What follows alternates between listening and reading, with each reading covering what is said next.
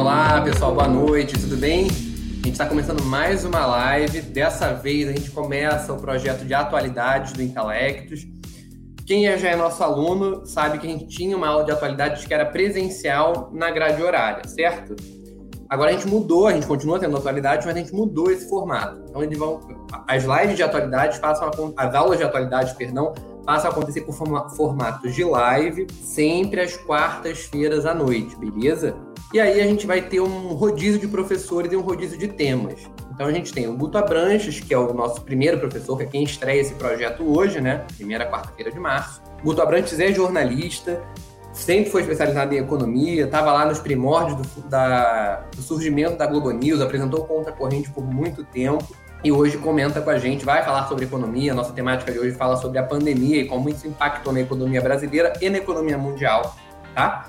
Daqui a pouco o Guto vai começar o papo com a gente. É, a gente também tem na próxima semana o tema é saúde e bem-estar com o Bruno Pires, que é médico, também foi professor do Intel por um tempo, mas né, cambou para medicina. E o Bruno vai falar sobre saúde e bem-estar a partir da próxima semana. Então vai ser sempre uma semana do Guto, depois uma quarta-feira com o Bruno, na próxima quarta-feira, na, na, terceira quarta, será o Rubens Oda, que é voltado para biologia, né? ele vai falar sobre ecologia, tratando sobre a temática de meio ambiente. A especialização do Oda, a gente chama de Oda, né? Rubens Oda, mas a gente conhece como Oda. É voltada para biologia e ecologia, e o Oda vai trabalhar a temática de meio ambiente.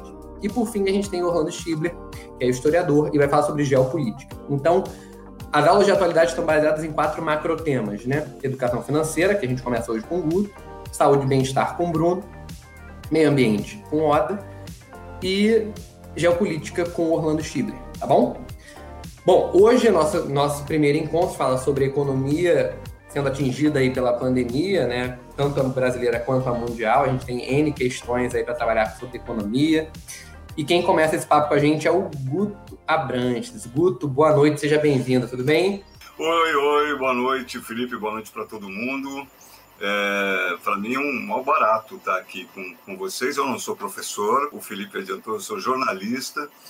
É, então passa a ser também um. Eu, não gosto muito de, de, lugares comuns, né, de jargões assim, mas não tem como correr da palavra, de algumas palavras. É um desafio e um desafio bacana porque eu, eu não dou aula, né? Eu, eu sou palestrante em economia, em outros assuntos e tal, mas dar aula é uma novidade para mim também. Eu espero que não atrapalhe muito vocês com a nossa conversa de hoje. Vai ser gabarito, Guto. Fica tranquilo, porque quando a gente está falando para um monte de gente enquanto jornalista, a gente está sim dando aula inúmeras vezes. Bom, Guto, seguinte, eu vou me ausentar aqui, vou te acompanhar, mas vou ficar no bastidor, né? Vou ficar na tua produção. E aí você toca o barco, beleza? Obrigado, então, Felipe. Boa aula, Guto. Boa estreia, hein? Um abraço. Obrigadão, tomara que dê tudo certo para nós todos. É, o Felipe já adiantou e eu vou só reforçar aqui com vocês a minha posição como jornalista, telejornalista sobretudo. Né? Eu tenho uma trajetória de mais de 30 anos de profissão, mas em televisão, 30 e um pouquinho não vou, não vou entregar a idade toda também. É, e à medida que é, eu fui me envolvendo com, a, com o trabalho em televisão, como repórter, depois como editor, editor-chefe, no caso da, do Conta Corrente, da Globo News, eu, eu sou um dos. Posso, eu, eu me orgulho de dizer que sou um dos criadores da Globo News, que eu estava lá desde antes do canal ir para o ar. E depois de já lá seis anos, é, eu fui convidado para ser o editor-chefe, dirigir e apresentar o Conta Corrente, que era um jornal na grade da Globo News, diário, com duas edições. É, eu era responsável diretamente pela edição da noite, que, e era principalmente um, um telejornal voltado para a macroeconomia. Muita gente achava que era um jornal de finanças, de bolsa de valores, de qual era o beta para tal aplicação, não tinha nada disso. Quer dizer, tinha é, o mercado financeiro à medida em que o mercado financeiro faz parte da macroeconomia. Então, é, eu fiz esse preâmbulo para dizer para vocês o seguinte: o que eu estou me propondo a fazer, tentando ser o mais produtivo aqui para nossa, as nossas conversas, é fazer meu trabalho de jornalista e trazer para vocês a visão que um jornalista que já está há bastante tempo é, tratando do, dos assuntos econômicos é, pode oferecer em termos de, de conteúdo mais qualificado. Estou sendo um pouquinho pretencioso, claro que sim, porque nem ninguém domina isso absolutamente, mas tem gente que tem um pouco mais de traquejo, que está mais no dia a dia. Então, eu vou procurar mostrar para vocês, como apresentado na, na, na, sequência de assuntos que, que o Felipe muito bem elencou para vocês, tratar hoje de que economia é essa, qual é o momento da economia que a gente está vivendo. E já vou exercer o meu papel de jornalista também, porque hoje, não sei se vocês tiveram a oportunidade de acompanhar, mas hoje tem uma notícia do dia na área da economia, que para nós no jornalismo é o chamado gancho, é a partir daquele assunto, daquele tema, daquela é, é, atualidade que a gente tem que trabalhar. Hoje saiu o número do PIB, que é a evolução da economia brasileira, no caso hoje o PIB do ano de 2020. É por isso que eu quero começar por aí, porque já é um gancho para nós, já é uma forma de a gente começar a tratar esse cenário que é, eu, vou, eu pretendo fazer um, um, um overview, uma, um, voo do alto para a gente ter uma noção de como é que anda a nossa economia e por quê, e de repente tentar apontar alguns, alguns caminhos. Me permitam usar aqui o óculos, porque o tio já está com uma certa. Já sou vintage, como a gente pode dizer, e eu queria. Eu vou precisar ler as letras miudinhas aqui. É, PH, se você puder, por favor, botar para mim o, os meus links, eu vou trazer para vocês um está relacionado a, a, esse tema que eu falei, do PIB. Está aí, esse é do G1, é, foi atualizado cinco horas atrás. O Brasil sai da lista das 10 maiores economias do mundo e cai para a 12 posição, aponta ranking. Essa é a manchete, por conta da atualização. Mas o que eu quero puxar desse conteúdo fundamentalmente é um dos principais vetores, um dos principais é, dados, um dos principais índices, melhor dizendo, da economia de qualquer país, que é a evolução do PIB. Então, daqui eu vou tirar exatamente esse número. O PIB brasileiro tombou 4,1% em 2020. Caiu. Caiu 4,1% a economia brasileira ao longo do ano passado. Claro, isso tem muito a ver com a pandemia, que diminuiu drasticamente a atividade econômica e não permitiu que a gente tivesse uma evolução melhor. Para ser bastante honesto com vocês, no início do ano passado eu cheguei a ouvir colunistas, gente de mercado, macroeconomistas, acadêmicos dizer que o tombo poderia ser de até 11%, considerando-se já a, a, que a, a pandemia estava no horizonte. A queda foi menor, foi de 4,1%, menos pior, como se diria, mas aí o Brasil perde posições no ranking internacional. Veja aqui, Estados Unidos em primeiro, com 20 trilhões de dólares, com 23% da participação mundial. Logo depois vem a China, e a gente está lá, agora em 12 lugar, com 1 trilhão e 420 bilhões de dólares. Esse, no, esse é o número de, em relação ao PIB do ano passado. Projetando-se isso aqui para 2021, imagina-se que o Brasil pode recuar ainda mais e baixar para 1 trilhão 431 bilhões, claro, que considerando que os outros países vão crescer, o Brasil até em relação agora vai crescer um pouquinho, mas mesmo assim vai perder posições no ranking internacional. Por que isso acontece? Porque o país vem crescendo abaixo da, da média do crescimento internacional. Miriam Leitão fez um comentário bastante bacana, eu queria reproduzir. Posso Posso seguir com o vídeo, Felipe? Pode sim, pode sim. Por que é que este, este número de 4,1%, depois eu prometo a vocês que a gente vai, vai avançar um pouco mais de celeridade aqui na, nos outros dados. Mas eu acho bastante interessante a gente ouvir a Miriam, que é experimentadíssima, e ela pontua que é um tombo, apesar de não ter sido aqueles menos 11, é ainda assim um tombo histórico, ainda que a gente considere a pandemia. Vamos dar uma olhada teve um crescimento no último trimestre de um tombo histórico, como você disse, mas ele é menor do que se temia. No meio do ano, o número que se temia era muito pior e teve um crescimento no último trimestre de 3,2% acima do esperado. Mas tem uma coisa interessante, que é o seguinte, deu 4,1% de queda de recessão no ano passado. Isso é o maior da série histórica que começa em 96. Mas se a gente pensa nos dados mais prolongados do país, o que aconteceu foi que, com 4,1%, o governo Bolsonaro escapa de ter na sua marca, é, da sua, na sua história, né, a marca da, do maior, da maior recessão da história, que continua sendo do governo Collor 1990, 4,37%. Isso ontem eu conversei com um integrante da equipe que disse: Olha, estou torcendo por esse número que você falou, de 4,2, porque é, isso nos tira do pior número da série histórica. Ficou melhor um pouco é, 4,1. Mas a notícia não é boa, claro, uma queda de 4,8 no PIB é, per capita, e, e também, quando a gente olha para dentro dos números, uma queda em todos os setores, exceto a agricultura, que o ano passado continuou indo bem. Mas tem outras coisas interessantes para se, se destacar.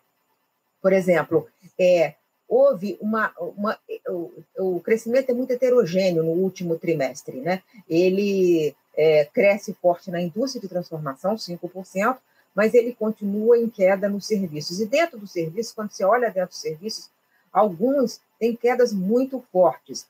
Ou seja, o país estava, é, é, durante, durante o ano passado, teve uma recessão forte, ela estava desacelerando, tanto que no último trimestre, comparado com o último trimestre do ano passado, foi 1,1% de queda apenas, e não o 4,1%, mas é, com, com, de forma muito desequilibrada, indústria se recuperando, porque caiu muito, e serviços, dependendo dos serviços, com quedas ainda muito fortes. Eu acho que por aí está legal, a gente não precisa ver o vídeo inteiro, até porque a gente vai fazer algumas considerações já em cima do que a Miriam falou. É, prestando atenção que o último trimestre do ano passado já fez alguma menção, já sinalizou, já apontou um caminho de pelo menos alguma recuperação na média. Claro que há setores que caem mais, serviços, por exemplo, que hoje é praticamente 70% da economia brasileira ainda permanece em queda, mas a indústria vem recuperando também, resgatando o muito que perdeu ao longo dos últimos anos. A indústria brasileira realmente sofreu um solavanco, mais do que isso, um, um, tombo verdadeiramente significativo nos últimos anos. E outro, outro aspecto que a gente vai tocar é a questão da agricultura, que permanece socorrendo a economia brasileira, a alta agora foi de 2%, amparando um, um, a economia ao longo de todo o tempo. Quer dizer, só não cresce mais porque no pacotão geral os demais setores acabam puxando muito para baixo. Felipe, eu quero passar para um outro vídeo, porque aí é, é, tem uma consideração importante a fazer. Claro que a gente está enfrentando uma pandemia, claro que ela diminui drasticamente a atividade econômica como um todo. E é óbvio que haveria alguma perda na evolução do PIB em função de uma pandemia que praticamente começou há um ano e que a gente atravessa até agora.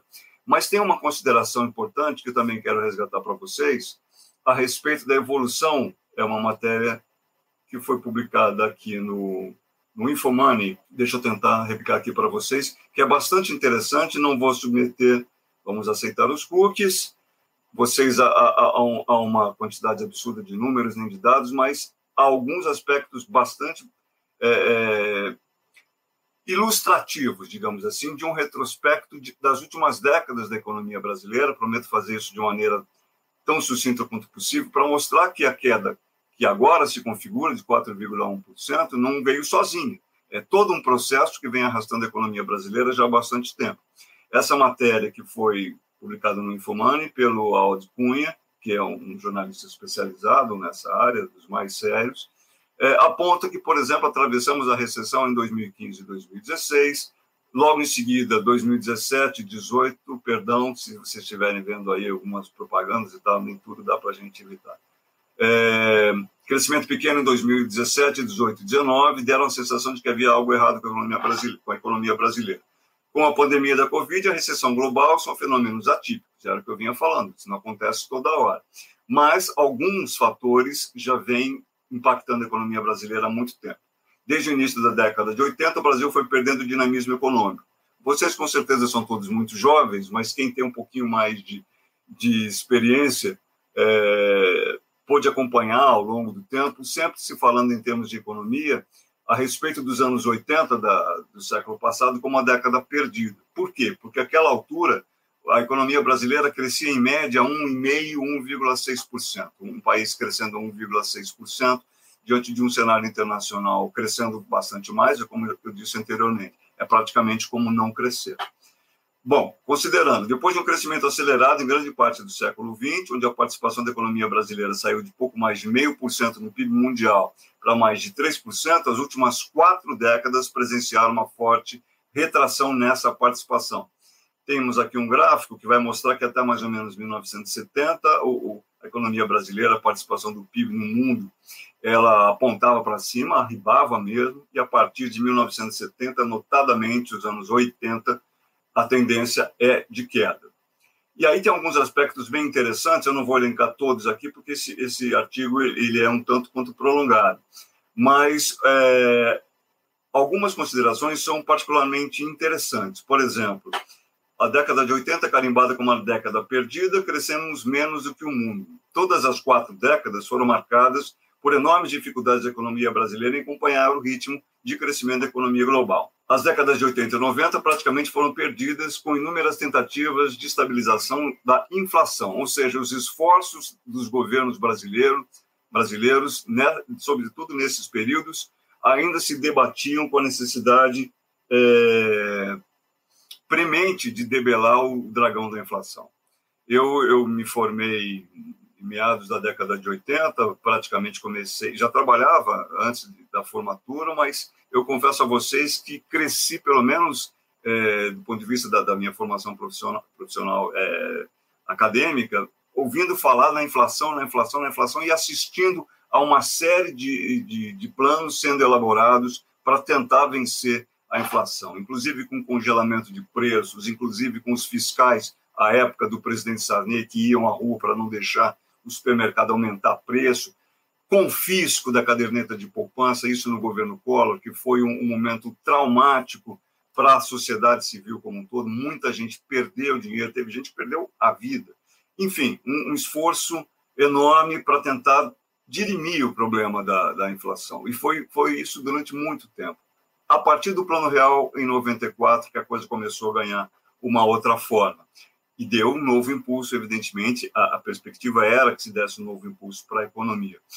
Além disso, é, além deste fator, havia também alguns fatores importantes, como o próprio Aoz menciona aqui, entre eles um chamado bônus demográfico. Linguajar de economista é sempre difícil, gente. É, é, jornalista com economista, a gente vive sempre uma, uma situação de amor e ódio. Né? Primeiro, porque gente, é, é, é, eles jamais admitem que erram, né? E segundo, porque a gente, portanto, pergunta a eles necessariamente quando é que eles acertam. Nem todos recebem com muita muito bom humor, mas é, é até bom que seja assim, porque é sempre a necessidade de se indagar um pouco mais. Eu falava do bônus demográfico, que foi um fator que veio a, teoricamente, iria favorecer é, a, a, pujança, a, a, retomada, a investida da economia brasileira, o que é que vem a ser esse bônus demográfico? É a entrada de um volume muito significativo de agentes econômicos, muito jovens, no mercado produtor, no mercado de trabalho. Quer dizer, gente muito jovem passando a exercer a sua capacidade de atividade econômica, passando a trabalhar, passando a fazer parte. Isso aconteceu ao longo destas décadas e já não acontece mais, sobretudo não com a mesma intensidade. Era uma janela, era uma oportunidade que o Brasil deveria ter aproveitado é, para dar realmente um impulso significativo para o seu crescimento econômico. Mais para frente a gente vai ver no que é que tudo isso resulta. É, outra coisa que aconteceu também ao longo aí do, dos anos aí já 2000, o impulso dado pelas commodities, a balança comercial brasileira, a, a, aqueles produtos que o Brasil, por exemplo, a soja, produz em grande escala e exporta para países como a China, o que dá, o que ao longo da década de dos anos 2000, sobretudo depois ali da, da crise de 2008, 2009, do subprime nos Estados Unidos, que é a, crise lá da, do mercado imobiliário americano, dos derivativos, aquela coisa toda que a gente quase não entende o que é, mas é, foi o chamado boom de commodities, né? Não vou falar boom das commodities, porque fica feio no ar, mas boom de commodities. O Brasil, até certo ponto, surfou bastante aquela onda é, e, e, conseguiu se dar bem, inclusive saiu da crise de 2008 2009 com alguma desenvoltura, graças também a esse, a esse, a esse fator que foi bastante positivo. Bem, é, espero não ter chateado você demais, tentei trazer um pano de fundo para que a gente tenha para onde eu ainda estou um pouco perdido aqui com relação às, às nossas ferramentas, mas eu vou procurar me organizar.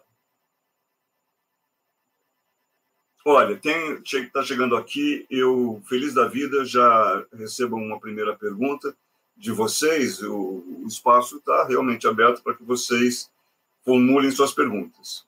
Mencionando agora já com o novo pico da pandemia, a previsão é de decréscimo teriam medidas cabíveis para frear essa queda da economia.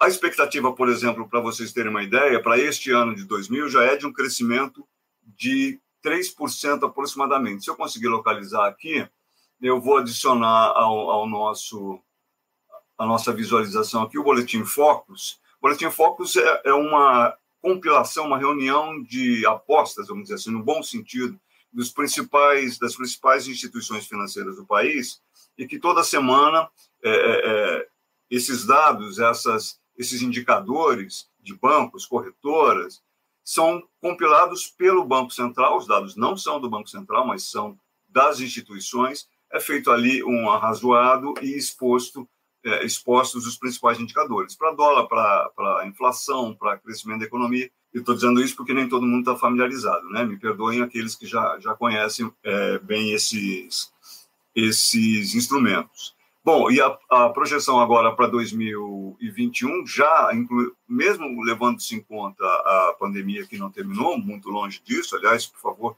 cuidem-se, porque a gente tem que se proteger, que a situação está muitíssimo grave.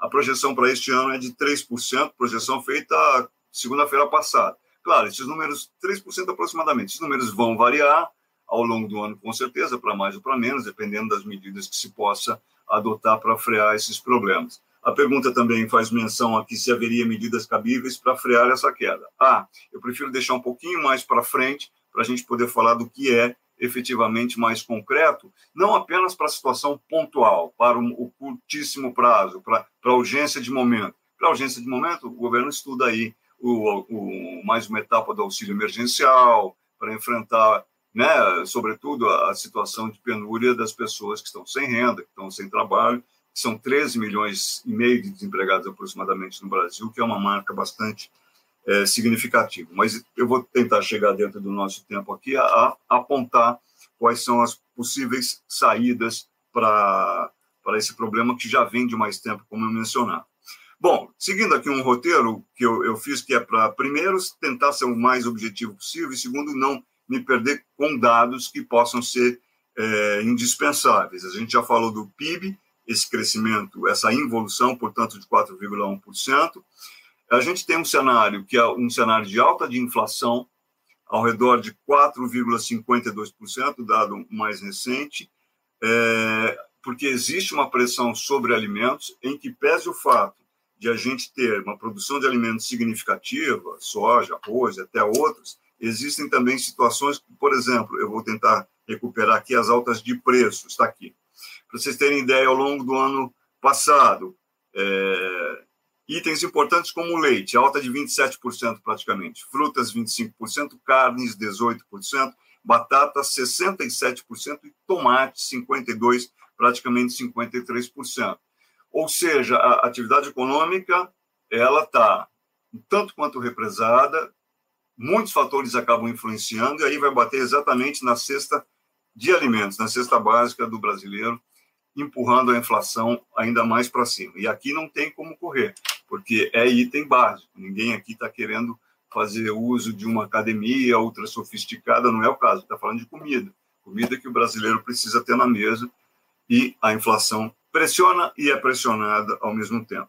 Outro aspecto bastante importante: o real, ao longo de 2020, foi a moeda mais desvalorizada do mundo. A perda foi de praticamente 30% em relação ao dólar.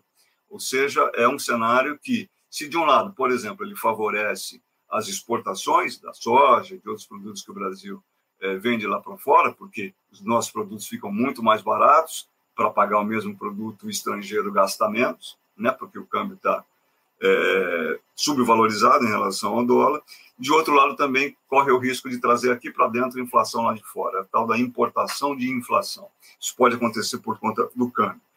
E uma outra situação associada à moeda estrangeira também foi a saída de investimentos estrangeiros, seja em ações ou títulos da dívida brasileira, títulos privados, isso para não falar de investimento estrangeiro direto, que é um investimento que vem para a planta de fábrica, para para vem para ficar. A gente está falando aqui mais de, dinheiro que vem para renda variável, para o mercado financeiro, e que a, a, saída foi de aproximadamente 75 bilhões, de Bosque, 75 bilhões de reais, aí no caso, em aplicações estrangeiras no mercado financeiro brasileiro ao longo do ano passado. Isso tem muito a ver com o momento que o, que o país atravessa, com as dificuldades da atividade econômica que não oferece tanta atratividade, dependendo dos vários setores, é, é que os investidores destinem seu dinheiro, tem a ver com risco que o país passa a oferecer a partir da tomada de decisões num sentido ou em outro para conduzir a política econômica. Enfim, é uma série de, de aspectos que são considerados, porque dinheiro circulando pelo mundo para procurar destino, olha, gente, isso tem e não é pouco. Não é pouco. Só que o cara que bota dinheiro, por exemplo, no Brasil, ele quer ter a certeza de que, poxa, eu vou botar naquele mercado, mas eu preciso ter um mínimo de ambiente regulatório, quer dizer, as normatizações para aplicação daquele dinheiro estejam explícitas, sejam transparentes e confiáveis, Risco, ele sabe que vai correr, mas aposta porque vale a pena apostar, uma vez que o valor do investimento para ele é relativamente pequeno. O estrangeiro comprar papéis da Petrobras, por exemplo, hoje é muito barato para ele. E a Petrobras é uma empresa entre as principais empresas do mundo, em que pese todos os solavancos que tem enfrentado nos últimos tempos. Enfim, é, esse investidor quer um mínimo de solidez e segurança. É, falando ainda da, da saída do, do, de dinheiro estrangeiro do Brasil, é, a saída foi injetar moeda no mercado de câmbio, ou seja, vendendo reservas. Aquelas reservas cambiais que são uma espécie de colchão de segurança para evitar choques externos é, mais complicados. O Brasil vem usando sua, as suas reservas no sentido de tentar estabelecer algum equilíbrio para o mercado de câmbio. Ainda assim, se eu não estou enganado, hoje o câmbio foi bater 5,72, acho que foi o último número que eu vi. Mesmo assim, né, este colchão de dinheiro para enfrentar um eventual choque externo, que são as reservas cambiais, estão sendo usadas no sentido de estabelecer esse equilíbrio aqui dentro, o máximo de equilíbrio que for possível. Mas uma coisa eu aprendi já há muito tempo com o Henrique Meirelles, quando era presidente do Banco Central, numa entrevista que fizemos, eu jamais esqueci daquilo, e ele disse para mim, para o Jorge Vidor, que era meu parceiro na época, ele disse: Olha, é, não há banco central no mundo que coloque o câmbio onde quer ou onde precisa. Não há banco central no mundo que coloque o, o, o câmbio no patamar desejado. Ele falou: aquela altura, isso tem, bota 10 anos nessa conversa. É, ele falou: talvez os Estados Unidos, mas mesmo assim seria muito difícil imaginar isso. Portanto, é de se imaginar que essas reservas vão continuar sendo usadas, queira Deus, que da melhor maneira possível. É, ainda falando de PIB, investimento na, na, na produção, né, no, para o crescimento brasileiro. É um investimento que promove o, o crescimento. O problema é que a gente teve no ano passado a participação do investimento no PIB brasileiro a menor em 53 anos, desde 1968. Se não houver investimento, não vai haver crescimento. Durante muitos anos eu ouvi falar que a gente precisava atingir a, nível de 25% do PIB em investimento. E, até onde eu sei, o Brasil jamais chegou a esse nível de investimento. Bom, o que cresce? O que cresce sem parar é a dívida pública e o déficit público brasileiro. Hoje, um, o, a dívida brasileira se aproxima de 100% do PIB, ou seja, a dívida governamental, a dívida do Estado Brasil, ela é praticamente corresponde a praticamente um PIB, ou seja, o Brasil começa um ano, vai produzir, vai vender, já devendo aquilo tudo que muito provavelmente ele vai poder tratar como produção. É... A dívida se aproxima de 100%, que é praticamente equivalente a todas as riquezas produzidas pelo país em um ano. O problema maior desse volume muito grande, além de tudo, tem um, um problema maior, que é o seguinte: quem faz o investimento, Tesouro Direto, quem vem comprar títulos do, do, do governo brasileiro, ajuda a financiar essa dívida. É o, qualquer um de nós pode fazer isso, muitos fazem esse, esse nível de investimento. Compra um papel brasileiro para ganhar dinheiro, evidentemente, é um investimento mas acaba com isso ajudando a financiar a dívida do Brasil. É, a questão é que cada vez mais, sobretudo investidor estrangeiro, vem exigindo do governo brasileiro, do Estado Brasil, da União, um valor de retorno de juros para esse papel mais alto. Quer dizer, eu vou botar meu dinheiro aí, mas eu quero ganhar mais. a taxa de juros vai subindo. E um prazo mais curto para o vencimento desses papéis, ou seja, para rolar essa dívida. Tudo fica mais apertado, exatamente por conta das circunstâncias que a economia brasileira atravessa. Questão do risco, questão da credibilidade, questão de tornar o ambiente é, regulatório, inclusive para os investimentos, para o funcionamento das empresas no Brasil, transparente e conhecido para todo mundo. Ou seja, eu quero ganhar mais e eu quero ganhar mais rápido. É difícil e, por conta disso, é, o déficit vem apresentando sucessivos é, degraus de crescimento. O ano passado, por exemplo, as receitas do governo, o déficit é a diferença né, entre o que o governo arrecada e aquilo que ele tem que despender para honrar as suas contas. E essa diferença, esse rombo, esse buraco passou dos 700 bilhões com B de Bosque, mais uma vez, não se assustem com o Bosque, é, no ano de 2020. É um rombo que deteriora as contas públicas, que é, é só do que a gente ouve falar, não num ambiente mais corriqueiro, mas a gente para para assistir o Jornal Nacional, por exemplo, quase que diariamente fala-se das contas públicas enfrentando problemas.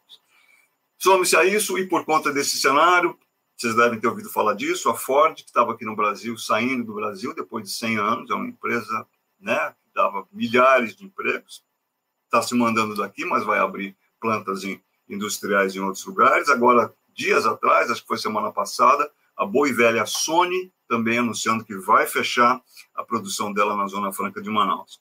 Empresa saindo, isso significa, como eu sinalizava, menos empregos. Esse é um outro pormenor é bastante preocupante, é muito negativo. Ao longo do ano de 2020, esse cenário praticamente não mudou. 13,5% de desempregados, são praticamente 13 milhões e meio também de pessoas na fila por um trabalho no país. Isso sem contar um aspecto que é particularmente é, tocante. Perdão, um minutinho para tomar uma água. Isso sem deixar de mencionar um aspecto que não sei a vocês, mas a mim toca muito, que é a questão dos desalentados. Não sei se igualmente vocês já ouviram falar, mas o desalentado é aquele trabalhador que desistiu de procurar emprego, porque ele tem a convicção de que não vai encontrar. Então, veja a perversidade desse, desse cenário da economia. O cara já nem sai para procurar, porque ele sabe que não vai achar. Então, ele nem entra nesse universo aqui, nesse exército de 13 milhões e meio praticamente de desempregados que faz pensar que a economia em se recuperando, e todos nós torcemos para que ela se recupere tão intensamente, tão rápido quanto for possível, tão rapidamente quanto for possível, a economia vai realmente ter que ter uma recuperação muito sólida, porque esses que hoje são desalentados, a uma certa altura vão voltar a, a, a fazer fila também atrás de trabalho. Bom, o cenário que, que eu estou descrevendo não é nada bom, é um buraco, é um cenário de economia estagnada, é, com inflação aumentando, é praticamente uma estagflação, que é, é o pior, pior dos monstros na, na vida econômica de um país, é, na observação dos principais especialistas, porque a atividade não acontece, mas mesmo assim o preço vai subindo. Normalmente a, a concorrência é, do mercado, o mercado consumidor, acaba num momento ou em outro levando a batata a subir um pouco ou o tomate. O problema é quando a, atividade econômica não, não praticamente não acontece, não permite as pessoas irem atrás é, dos seus principais objetos de consumo, pelo menos não na proporção que elas desejam, e mesmo assim a inflação vai subindo. Isso é um nó na cabeça dos economistas. Isso tudo que eu coloquei para vocês é, já seria um cenário dramático, e ainda por cima a gente tem a figura da pandemia, que em nada está ajudando.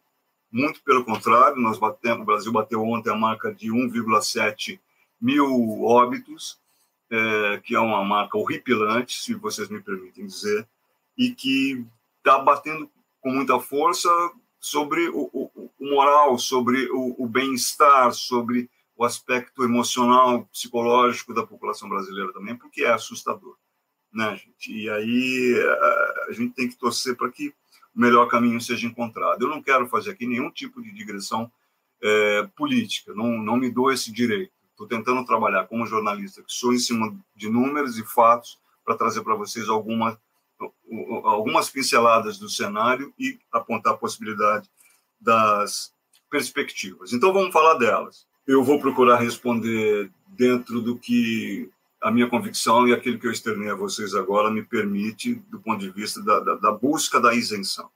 Mesmo assim, vou considerar a questão como ela está formulada, porque é assim que eu acho que deve ser, e vou procurar responder dentro daquilo que me é possível. A questão é estabilidade política e, economia, e econômica perdão, no Brasil, junto com a tripla troca de ministros da saúde. O Brasil acabou ficando numa posição de dúvida no mercado externo. Como podemos reverter essa imagem? Percebem que há um pouco do que do que eu já mencionava para vocês. Eu falava da questão do risco, da confiabilidade, da transparência. A pandemia ela impacta, como eu falei, a atividade econômica e impacta também, evidentemente, é, não não apenas ela própria, porque ela ocorre praticamente em todos os países do mundo, mas impacta também é, pela maneira como cada país conduz o seu enfrentamento da pandemia. Ministro Araújo, de Relações Exteriores, Hoje ainda está nas redes, quem, quem, der um Google vai achar com facilidade, é, dá uma entrevista dizendo que há um trabalho, é, entre aspas, há alguma movimentação no sentido de criar é, é, o pior para a imagem do Brasil lá fora. Palavras do ministro para não deixar de dar o lado do governo. Agora, é evidente que a maneira como o país conduz o enfrentamento da doença traz consequências. Não é possível que, seja quem for o governo, seja de direita, de esquerda, seja A, B ou C, o que fizer terá consequências, ou boas ou ruins, para o conjunto da população, para o enfrentamento, da, no caso da pandemia, e também para a imagem do país como um todo. A imagem que o Brasil tem hoje, lá fora, depois de ter ficado tanto tempo sem negociar é, é, vacinas que poderiam ter sido negociadas em agosto do ano passado. É, dizer o quê? A, a, a, a proporção de, de, brasileiros que já foram vacinados, hoje, dia 3 de março, é ínfima diante da necessidade que o país tem. Claro, você vai falar, caramba, mas é, Israel, por exemplo, já vacinou praticamente todo mundo, mas é menor do que o Rio de Janeiro. É verdade. Mas para isso existe proporção, para isso existe organização. Se a gente sair de Israel e for para os Estados Unidos, lá a população é muito maior do que a nossa, quase 50% maior do que a brasileira. Só que ontem, não sei se vocês tiveram notícias disso, o, o, governo americano veio a público dizer que a vacinação que estava prevista para todos os adultos dos Estados Unidos para terminar no final do mês de julho terminará dois meses antes, terminará no final do mês de maio. Como isso é possível? como uma perspectiva que era absolutamente nefasta, porque o impacto da pandemia nos Estados Unidos também foi absolutamente avassalador. Como uma perspectiva muda tanto, como é possível mudar em tão pouco tempo? Atitude de governo, né? Não há outro caminho. As lideranças políticas, as autoridades governamentais, nas três esferas, são os responsáveis por liderar é, a capacidade que o país tem de enfrentar uma crise planetária como essa que mais eu posso dizer? Existem formas para enfrentar isso? Para reverter essa imagem? Existem. Eu acho que, sobretudo, tratar a questão com seriedade. Eu não quero, não quero de forma nenhuma trazer aqui alguma visão que possa tangenciar algum, alguma parcialidade. Estou tentando me ater aqui exclusivamente a fatos e a dados. Mas, é, se não for tratada com seriedade, o enfrentamento da pandemia não, não tiver esta, esta pincelada, essa, este norte fundamental, eu tenho sérias dúvidas se a gente tem chance de sair disso, pelo menos este ano, honestamente falando. Seriedade, senso de dever e amor à vida, né, gente? Que acho que é o fundamental. Todo mundo que está tratando de seus doentes ou, ou, ou dos riscos que a pandemia traz de maneira séria, empenhada, está sendo bem visto no cenário internacional. Bom, é, para tentar sinalizar para vocês algumas possibilidades a respeito lá da primeira pergunta formulada ainda, medidas cabíveis para frear a queda da economia brasileira, pelo menos para recolocá-la num caminho que seja minimamente bom para reencontrar né, o rumo da, do crescimento, existem algumas possibilidades. Por exemplo, privatização. O ministro Paulo Guedes fala de privatização desde o início do governo, outros ministros anteriormente a ele também. Nem todo mundo conseguiu implementar minimamente um bom, sólido e é, confiável programa de privatizações. É, se a gente pensar que existem hoje, falando de 2021, pelo menos duas joias da coroa, que são o Banco do Brasil e a Petrobras, estariam aí no horizonte de privatização, ainda que estas empresas mais no longo prazo, mas são as duas joias da coroa, elas são mistas, elas são de capital, é, elas são estatais, mas ao mesmo tempo pertencem também ao capital privado, privado à medida que tem milhões de acionistas também. E essas empresas, eu falava minutos atrás a respeito de câmbio e a respeito da relação do real com o dólar, por exemplo. Essas empresas, neste momento, aos olhos do investidor estrangeiro, são baratas, por conta de que a gente paga R$ 5,50, vamos deixar por baixo, para adquirir um único dólar, para comprar uma empresa brasileira. Portanto, o dispêndio do eventual investidor seria mais fácil de acontecer do que em outros tempos com a nossa moeda mais valorizada. Agora, a questão é que Petrobras saíram os números semanas atrás e Banco do Brasil são empresas lucrativas.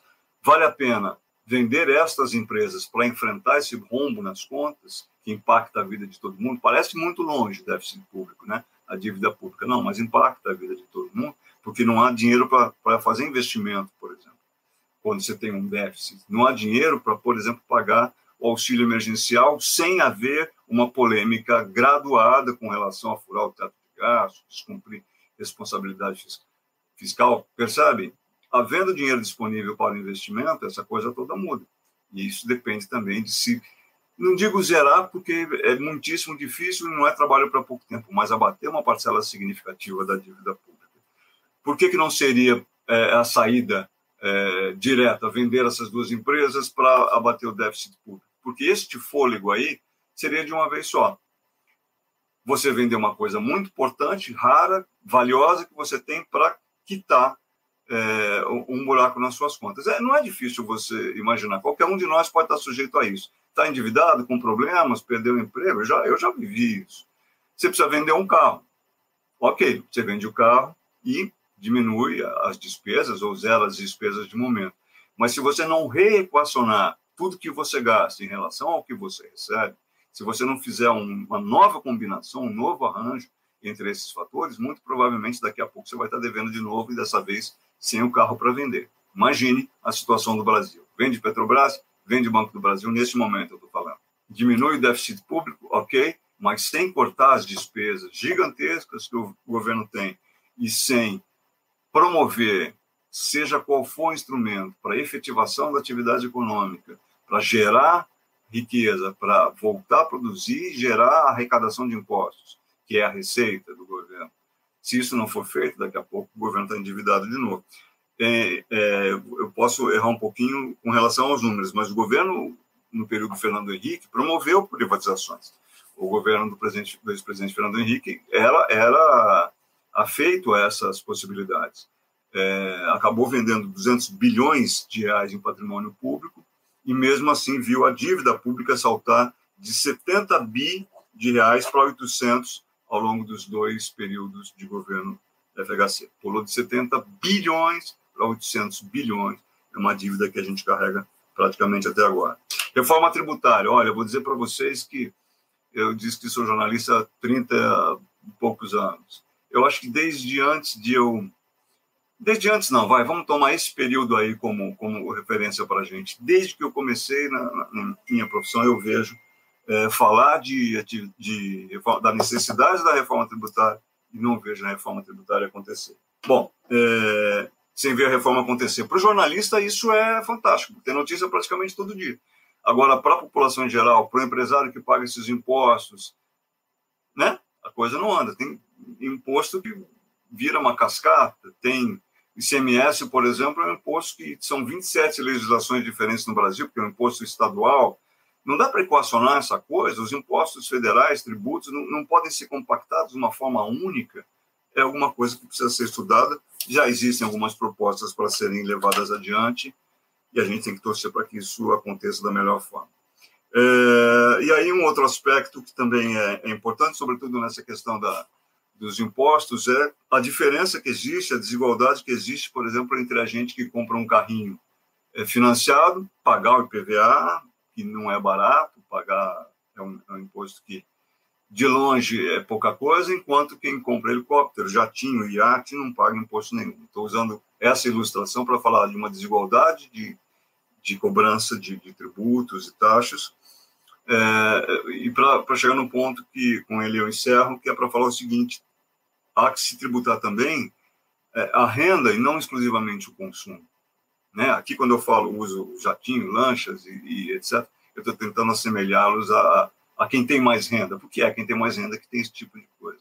Não quem compra um carrinho financiado para poder atravessar a cidade de São Paulo, do Rio de Janeiro, para trabalhar e sua para pagar, que tem que ser o único a, a ser tributado. São ilustrações, me perdoem se eu não cheguei a, ao âmago da questão fundamental aqui para a gente, mas foi uma tentativa de dar essa panorâmica. Estamos, sim, num buraco na economia, com a martelada inapelável é, e, e, cruel dessa pandemia e que está tirando o fôlego da gente, mas a gente tem que resistir. Eu espero ter sido legal aí para vocês. Por favor, façam todas as suas observações. Eu não sei se o Felipe vai abrir algum espaço aqui para a gente falar mais, ouvir as questões de vocês. É, enfim, da minha parte, Felipe, a, o meu roteiro original está tá entregue. Se você tiver algum interesse a mais para que eu volte, eu. Eu, eu queria que você falasse para mim o seguinte: é, a gente não estava contando aí com uma. Quer dizer, contando a gente estava, né? Com uma segunda onda. A Mariana também questionou a gente sobre isso. A gente sabia que ela viria, mas a gente está vendo que ela está vindo um pouco. Um pouco não, é consideravelmente mais forte. E aí, como é que você faz quando você não tem previsão? Porque você não sabe nem o que você está esperando acontecer o mercado ele acaba sendo mais conservador e tira o pé, ou ele vai tentar prever de outra forma. A Fundação Focus vai considerar esses dados que estão acontecendo essa semana, por exemplo, para emitir um novo relatório, para ter essa mudança? Olha, o, o Focus vai compilar esses dados todos necessariamente ao longo dessa semana e vai soltar mais um boletim na segunda-feira da semana que vem, porque é assim que funciona. Lá no Focus, é, são, é, até onde eu acompanho, são 100 instituições financeiras que apresentam seus indicadores é, para que as contas sejam feitas, sejam compiladas. O, o, e tem uma, um grupo dentro do Focus que são as top five, são aquelas que mais acertam as perspectivas, é, as suas estimativas, talvez deve-se dizer. Vai, vai, isso vai estar refletido nesses números é, ao longo do ano inteiro. Eu não sei, eu evidentemente não me atrevo a, a, a falar na área sanitária ou de saúde, perdão, mas é, eu custo um pouco acreditar que essa seja uma segunda onda, uma terceira onda, porque até onde eu consigo acompanhar, nós não enfrentamos direito sequer a primeira onda. E por um desígnio de Deus qualquer, a gente está tendo que encarar que o próprio Brasil apresentou uma nova variante desse vírus, que vem de Manaus, que, ao que tudo indica, é absolutamente se não mais letal, que não há comprovação a respeito disso, mas comprovadamente é muito mais transmissível. Isso tudo vai parar nos números, isso tudo vai impactar as contas que os investidores fazem é, e que o governo precisa fazer também. Né? A gente tem que fazer uma diferenciação importante aqui, gente. É, eu falei no começo da nossa conversa que o Conta Corrente, que eu dirigia, era um programa de macroeconomia e muita gente achava que era de mercado financeiro. Não há nenhum menosprezo pelo mercado financeiro, evidentemente não, ele faz parte da macroeconomia. Agora, uma coisa também eu tenho que pontuar: nem tudo o que diz respeito à vida da sociedade civil, à atividade econômica, à condução dos parâmetros eh, econômicos pelo, pelas entidades governamentais, nem tudo isso passa é, pelo filtro, não é a melhor expressão, mas passa pelo interesse mais direto do mercado financeiro. O mercado financeiro quer ganhar dinheiro. E faz parte do jogo. Não há nenhuma ilegalidade em um mercado financeiro querer ganhar dinheiro. O dinheiro está lá, é de, de propriedade privada, as pessoas investem para ter retorno. O que não pode é haver. É, o que, que não pode acontecer é se burlar qualquer uma das regras de investimento no mercado financeiro que são fiscalizadas pela CVM. A gente está vendo aí Hoje, quatro conselheiros da Petrobras, nomeados pelo governo Bolsonaro, pediram para sair do conselho, exatamente no mesmo dia em que é levantada a suspeita pela brilhante jornalista Malu Gaspar é, a respeito da possibilidade de é, informação privilegiada é, acerca da Petrobras, acerca de, uma, de, duas operações de venda de ações na Petrobras. Operações que apostavam na queda dos papéis da Petrobras, isso há duas semanas. Isso tudo está acontecendo agora, ou seja, o investidor ele faz parte do jogo e ele vai jogar, vai jogar para ganhar. Tudo que impacta a economia vai aparecer nas contas deles, vai aparecer, vai investir mais, vai investir menos, vai tirar mais do papel da renda é, variável, que é a bolsa, vai correr mais para o dólar, porque é lá que ele se sente mais garantido. Isso pode acontecer no momento em que ele julga estar havendo alguma decisão é, é, em termos de macroeconomia menos, menos favorável, menos segura. Foi o que aconteceu quando o governo se movimentou no sentido de substituir o presidente da Petrobras é, dez dias atrás, duas semanas atrás. O mercado afere isso tudo o tempo inteiro. Então, tentando responder à pergunta, é, a, o impacto da segunda onda, ou da terceira onda, Deus permita que acabe isso logo, vai aparecer nos números do mercado financeiro necessariamente. Agora, de maneira geral, costuma aparecer e se diluir relativamente rápido. O que tem que aparecer e ficar é nas contas do governo. Perfeito. Posso fazer mais uma para fechar? À vontade. Se eu souber falar alguma coisa. Vamos lá. Tem algum risco do, do Brasil ficar de alguma forma isolado em função do não combate à pandemia? Porque a gente tem ouvido falar pra caramba sobre isso, né? Porque a gente está virando um país que tem uma variável nova, como não está fazendo nenhum controle mais eficaz, isso acaba gerando novas variáveis e a possibilidade de mais riscos. E eu queria saber se tem algum risco de a gente começar a sofrer lockdowns aí, né, acerca do mundo, de parar de ter relação, parar de ter comércio, parar de importar, as pessoas com medo de uma nova contaminação, fechar a fronteira e por aí vai. É, as fronteiras já meio que estão fechadas, né? E, e, e a ação do, do, Brasil hoje na América Latina, por exemplo, não é das mais exemplares, pelo contrário. Os países, nossos vizinhos aqui, já estão bastante receosos de, dessa proximidade, porque, afinal de contas, o Brasil é um continente, né? Nós somos 210 milhões de brasileiros. Hoje na internet, agora há pouco eu vi uma charge é, bastante cruel, mas ela não deixa de ser minimamente possível. Um brasileirinho em meio a uma grande concentração de pessoas e à volta dele um espaço vazio enorme com as pessoas evitando se aproximar dele, em função do andamento do tratamento da Covid-19 aqui. E só para, só enfim, bater o martelo, é, trancar a porta, vamos dizer assim. Também vi hoje uma constatação de alguém que eu respeito muito, que é o professor Antônio Delfim Neto. Delfim Neto foi ministro da, da Fazenda, governos lá para trás, período militar, inclusive, e é um, um economista que continua sendo ouvido pelo alto empresariado até hoje.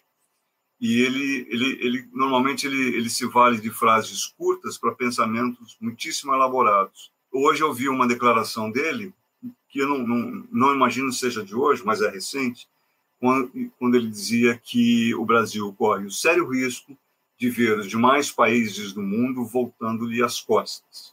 Alguma coisa muito semelhante a isso. Corre o risco de ver os outros países do mundo dando-lhe as costas. Isso é o isolamento crítico, cruel, que o Brasil corre o risco de vivenciar, infelizmente. A gente torce para que não, mas até o momento. Teve uma notícia boa no final do dia, não sei se vocês viram.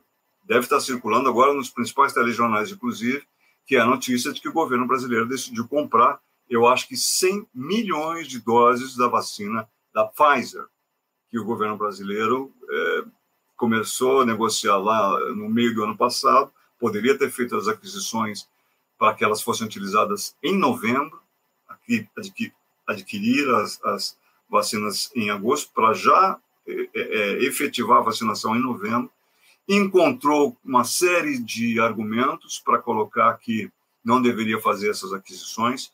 E, pelo que eu pude ler, pouquinho antes de vir aqui conversar com vocês, o ministro Pazuello, ministro Pazuello, autorizou a compra de 100 milhões de doses da vacina da Pfizer. Deus permita que seja verdade, que todo mundo seja vacinado o mais rápido possível. Meu padrinho, meu tio Miguel, querido, meu cara que só não é meu segundo pai porque é muito moço para isso, foi vacinado hoje. Eu estou feliz da vida com isso porque a gente precisa de esperança. sempre. Perfeito, hein? Muito obrigado pela aula de hoje, pelas dicas aí sobre economia.